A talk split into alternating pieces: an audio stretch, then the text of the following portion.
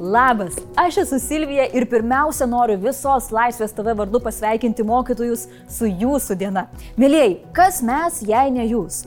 O šiandien tiek žinių apie vakar ištikusi socialinių tinklų krachą, nepageidaujamus svečius, gaisrų prevenciją ir pedofilijos skandalą Prancūzijoje. Na, kaip po vakar, Ką darėt, kai užlūžo Facebookas, Instagramas ir WhatsAppas? Ar ėjote į lauką, ar pakėlėt akis į savo antrą pusę? O gal verkėt iš siaubo, kad baigėsi jūsų influencerio karjera? Bet jau galite sulysti atgal į ekranus, tik aišku po žinių šitų. Nes naktį baigėsi beveik 6 valandas trukęs populiariausių socialinių tinklų blackoutas atnešęs Facebook savininkui Markui Zuckerbergui 6 milijardų dolerių nuostolį. Akcijos smuko beveik 5 procentus. Bet nežinau, Kur didesnis nuostolis? Ar 6 milijardai, ar faktas, kad jūs negalėjote įsikelti naujos foto? Bet Zuckerbergas jūsų labai labai atsiprašo.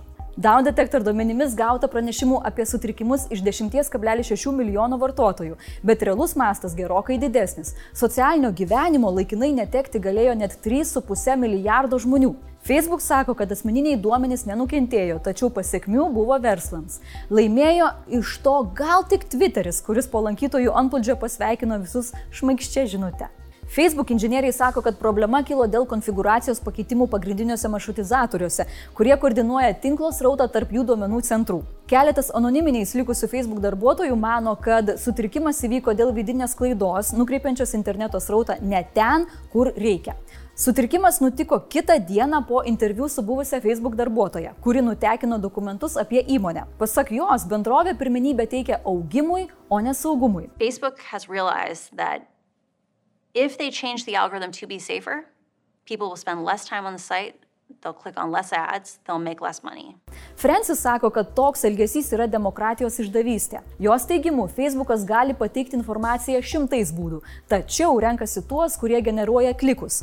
Kuo daugiau negatyvaus turinio ir pykčio, tuo geresni rezultatai. Pateikti duomenys atskleidė, kad Facebookas dar ir nieko nedaro, žinodamas apie daromą žalą. One of the Facebook internal studies that you found talks about how Instagram harms teenage girls. Oh, yeah. Matot, jūs Facebook'ui įdomus tik tiek, kiek teisingai spaudžiate, ką reikia. O kaip jums šitas nuotykis? Ar patiko? Ar nukentėjote? Būtinai pasidalinkite komentaruose. Ar žinot Rusijos pianistą Nikolajų Luganskį? Jeigu žinot, tai tikriausiai žinot ir tai, kad negerbiamas ponas savo koncertus nesibūdė renkti ir Rusijos okupuotose Ukrainos teritorijose. Luganskis turėjo koncertuoti ir mūsų filharmonijoje, tačiau buvo nuspręsta jo vizito atsisakyti. Sprendimas išėbė diskusiją, kaip atsirinkti, ką kviesti ir kas gali pasirodyti Lietuvoje. Su valstybinių koncertinių įstaigų vadovais susitikęs kultūros ministras Simonas Kairys teigia, kad reikia judėti ne cenzūros keliu, sudarant nepageidaujamų asmenų sąrašą, o įstaigų kompetencijos kelimu, kad įstaigos atpažintų pavojus dar prieš kviesdami svečią. Susidariusi situacija kaip palikta banano žievė, ant kurios tikriausiai ganėtinai lengva paslysti ir sugrįžti į sovietinius laikus. Kiekvienas atlikėjas neturėtų pereiti specialiųjų tarnybų filtrą. Lietuvos nacionalinės filharmonijos vadovė Rūta Prusevičianė sakė, kad su kolegomis labai atsargiai analizuoja busimų svečių biografijas ir gastrolių planus, ypač po Krymo okupacijos. Tad Luganskio koncertai Kryme ir Donetske yra pakankama priežastis jo neįleisti. Lietuvos nacionalinio operos ir baleto teatro vadovas Jonas Sakalauskas pritarė dėl cenzūros netaikymo ir pastebi, kad per Lietuvai svarbės datas yra gaunama labai daug pasiūlymų iš Rusijos. Anot jo, koncertinės įstaigos turi pačios priimti atsakomybę. Nežinau, ar tikrai yra cenzūra cenzūra turėti sąrašą žmonių, kurie koncertuoja okupuotose Ukrainos teritorijose ir garbina Putiną. Ir įstaigoms būtų paprasčiau pasitikrinti, ar kviečiamas atlikėjas turi savigarbos, ar labai labai myli svetimą žemės grobstančią Rusiją. Ir dar galėtų tą sąrašą padaryti viešai prieinamą, kad žinotume, kur dislaikus YouTube sudėti. Šildymo sezonas artėja. Ta proga ugnegesi ragina gyventojus, kurie namų šildosi patys, o nelaukia mero malonės, pasitikrinti krosnis ir išsivalyti dūmtraukius, kad apsisaugotumėte nuo gaisro. Kas 20 krosnis Lietuvoje yra netvarkinga ir neparuošta žiemai. Tad, jei gyvenate sodų bendrijoje, kur yra bent dvi dešimtis namų, A, kažkas iš jūsų tinkamai nepasiruošė žiemai. Dalies žučių gaisruose būtų galima išvengti atlikus prevencinius darbus. Sunerimti reikėtų gyvenantiems ir ne nuosavose namuose. Kiek daugiau nei 40 procentų gyventojų neturi įsirengę dūmų detektoriaus. Jis nėra brangus ir yra paprastai sumontuojamas. O gali išgelbėti gyvybę. Pasak priešgaisrinės apsaugos ir gelbėjimo departamento, kas 20 būstas turi netvarkingą elektros instaliaciją. Gal ir netrodo daug, bet iš tikro yra virš 100 tūkstančių gerų darbų elektrikams. Departamento duomenimis įprastai gaisruose žūsta asocialaus elgesio bruožų turintys asmenys, o neatsakingas elgesys užtraukia pavojų aplinkiniams. Kasmet šalyje kyla vidutiniškai 10 tūkstančių gaisrų, žūsta apie 100 gyventojų. Šiemet gaisruose jau žuvo 62 žmonės, kilo daugiau nei 6,5 tūkstančio gaisrų, o prieš akį dar visas šaltasis sezonas. Pagrindinė žučių priežastis yra neatsargus rūkimas, neatsargus elgesys su ugnimi, netvarkingos krosnis ir dūmtraukiai bei elektros instaliacija. Tuo tarpu ugnegesiai šiemet gaisruose jau išgelbėjo beveik 90 gyvybių. Įdomu, ar jie irgi piktinosi ugnegesių darbų ir šaukia apie laisvę dėkti ir mirti nuo ugnies. Sukrečiantis tyrimas. Prancūzijoje nuo 1950 iki 2020 katalikų bažnyčioje užfiksuota net 216 tūkstančių pedofilijos atvejų. Skaičius gali viršyti 300 tūkstančių. Su tyrėjais kalbėtis norėjo ne visos galimos aukos. Tyrimą 2018 metais užsakė pati Prancūzijos katalikų bažnyčia. Ji praleido daugiau nei 2,5 metų šukuodama teismų, policijos ir bažnyčios įrašus ir kalbėdama su aukomis bei liudytojais.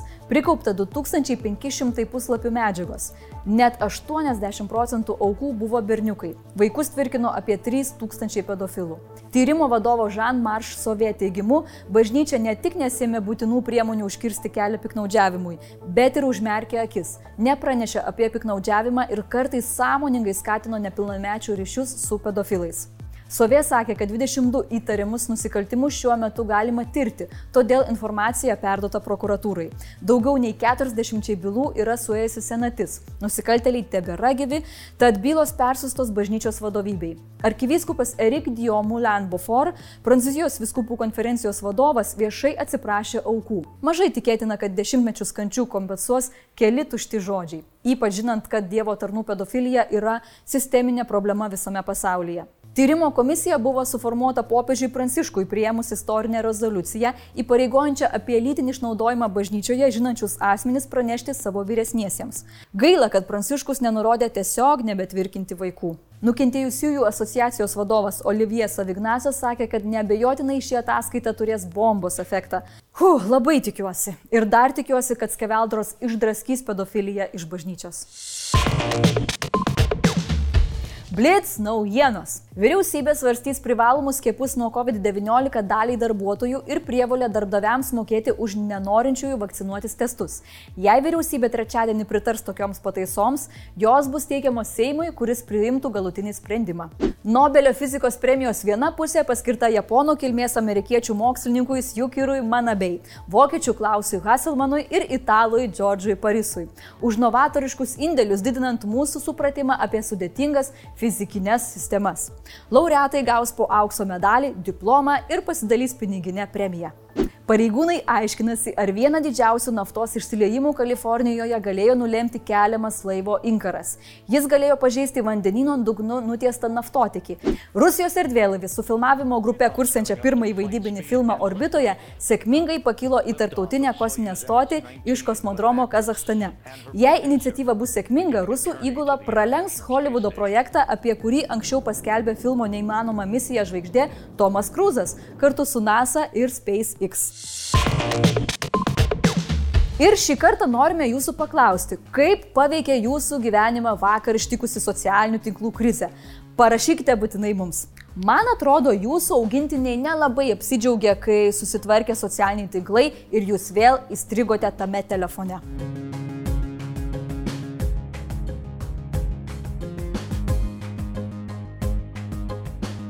Ačiū labai, kad žiūrėjote tiek žinių šiandien ir iki pasimatymo rytoj.